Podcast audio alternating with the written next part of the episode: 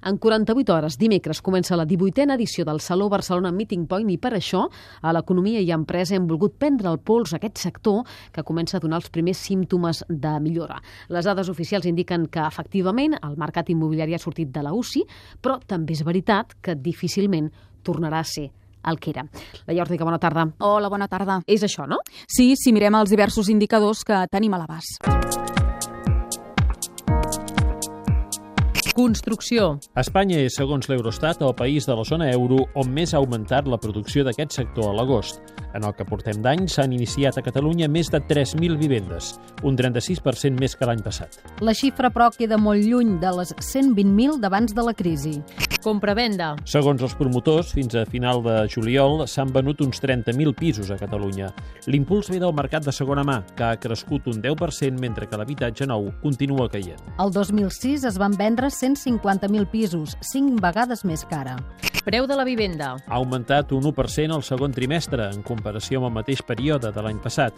És el primer increment en termes interanuals des de fa 6 anys. Ho corroboren tant els registradors de la propietat com l'Institut d'Estadística i el Ministeri de Foment. Des del 2007, però, el valor dels pisos ha caigut més d'un 30%. Impostos. La recaptació dels impostos vinculats a l'habitatge ha crescut durant la primera meitat de l'any un 16% a Catalunya, segons el Ministeri d'Hisenda.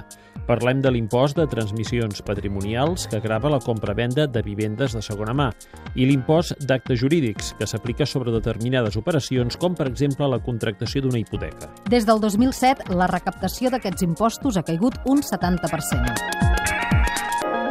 D'acord, doncs ja ens hem situat. Els indicadors del mercat immobiliari refermen doncs, que la crisi ha tocat fons, si més no que està canviant de tendència. Què podem esperar, Lai, els pròxims mesos? Segons els experts, que augmentin les vendes com a mínim fins al gener, que és quan entrarà en vigor la reforma fiscal del govern espanyol. I per què? Què canvia la reforma? Doncs si no hi ha canvis d'última hora, que les plusvàlues obtingudes per la venda d'un pis pagaran més, sobretot si la vivenda és antiga, d'abans del 94.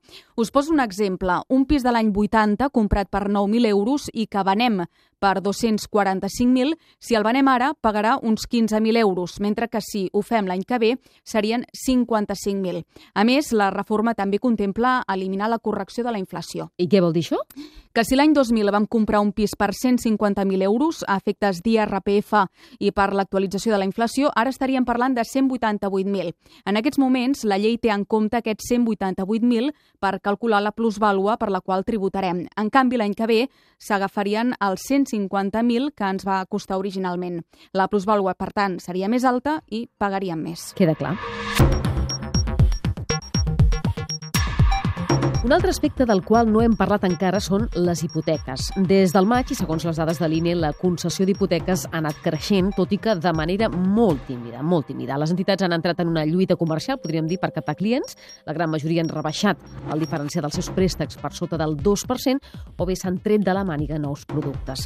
Les condicions per accedir a les hipoteques, però, lluny de relaxar-se, s'han fet més estrictes.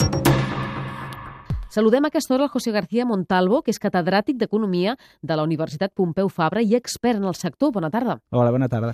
Tornarà a ser habitual un finançament del 100% de la hipoteca? Ara estem començant a veure alguns bancs que en condicions molt concretes comencen a fer-ho. Yo creo que habitual no y que desde luego en el plano que era más importante, que era el plano de la, de la financiación del suelo para promotores y constructores, desde luego aquí yo creo que además de que espero que no será nunca más habitual y, y entiendo que, que el sector bancario también ha entendido que esto no puede funcionar así.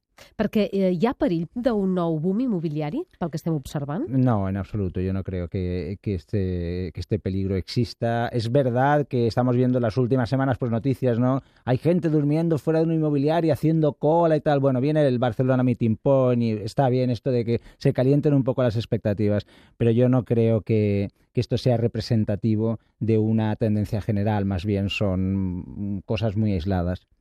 Hi ha prou de demanda solvent ara mateix? La respuesta rápida es no, no, no la hay. No la hay porque en estos momentos, para considerar una demanda solvente, pues, y para conseguir un tipo de interés, digamos, un diferencial razonable que puede estar entre el 1,7 y, el, y, y dos puntos, tienes que tener primero un empleo fijo, cuando antes con un contrato temporal te daban una hipoteca, ahora desde luego eso es muy eso eso no, no, no será probable y lo segundo es que tienes que tener además un sueldo que estamos hablando entre 1.500 euros, 2.000 euros para, la para una familia o 2.500 euros para una familia. Ojo, mm, esto no es en estos momentos lo, lo más habitual tampoco, sobre todo en familias jóvenes que son precisamente las que se encuentran en esta fase de, de, su vida en la cual pues, son primeros compradores de vivienda. Por lo tanto, ese sector está un poco limitado en su capacidad de poder adquirir viviendas. Aquest despertar del crèdit és puntual o, o creu que això s'anirà consolidant i de què depèn, en tot cas? Vamos a ver, el despertar del crédito, en primer lugar, tenemos que matizarlo. Es cierto que el crédito está creciendo a una tasa del 28%, pero claro, venimos de unas tasas minúsculas.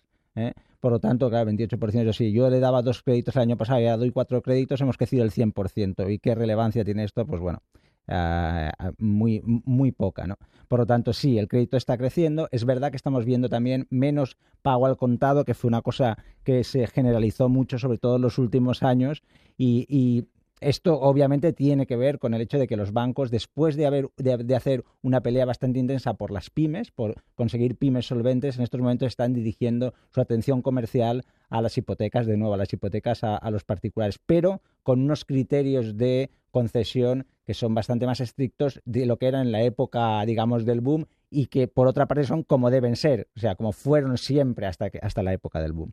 Els resultats que hem conegut de les proves d'estrès pot influir en la política dels bancs futura? Eh, podría influir, pero digamos, dep dependerá mucho más de cuál sea la política del Banco Central Europeo eh, con respecto a lo que son las compras de activos, etcétera. Doncs moltes gràcies per aquests aclariments. José García Montalvo, catàleg de la UPF. Fins una altra. Gràcies. Adeu.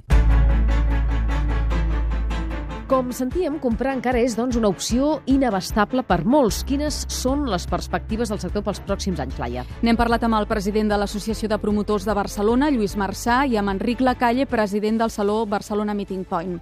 Segons ells, el mercat es normalitzarà quan hi hagi una demanda de 20.000, 30.000 habitatges nous cada any a Catalunya i això trigarà. Veient la trajectòria i veient la recuperació dels llocs de treball, de l'atur, que tot això són lents, si Europa no ajuda en el creixement, anirem tendint cap a aquesta xifra, però millor trigarem 5 anys a arribar-hi. Barcelona, l'àrea metropolitana i Lleida són les que primer s'estan recuperant, mentre que les zones turístiques, on hi va haver un excés de construcció durant el boom, ho faran més tard. I la demanda dels inversors estrangers, quin paper juga? Seguirà creixent. Ara el nostre principal client és l'europeu, sobretot els britànics i francesos, mentre que el mercat rus ha passat al tercer lloc, en part per la devaluació de més d'un 20% del ruble.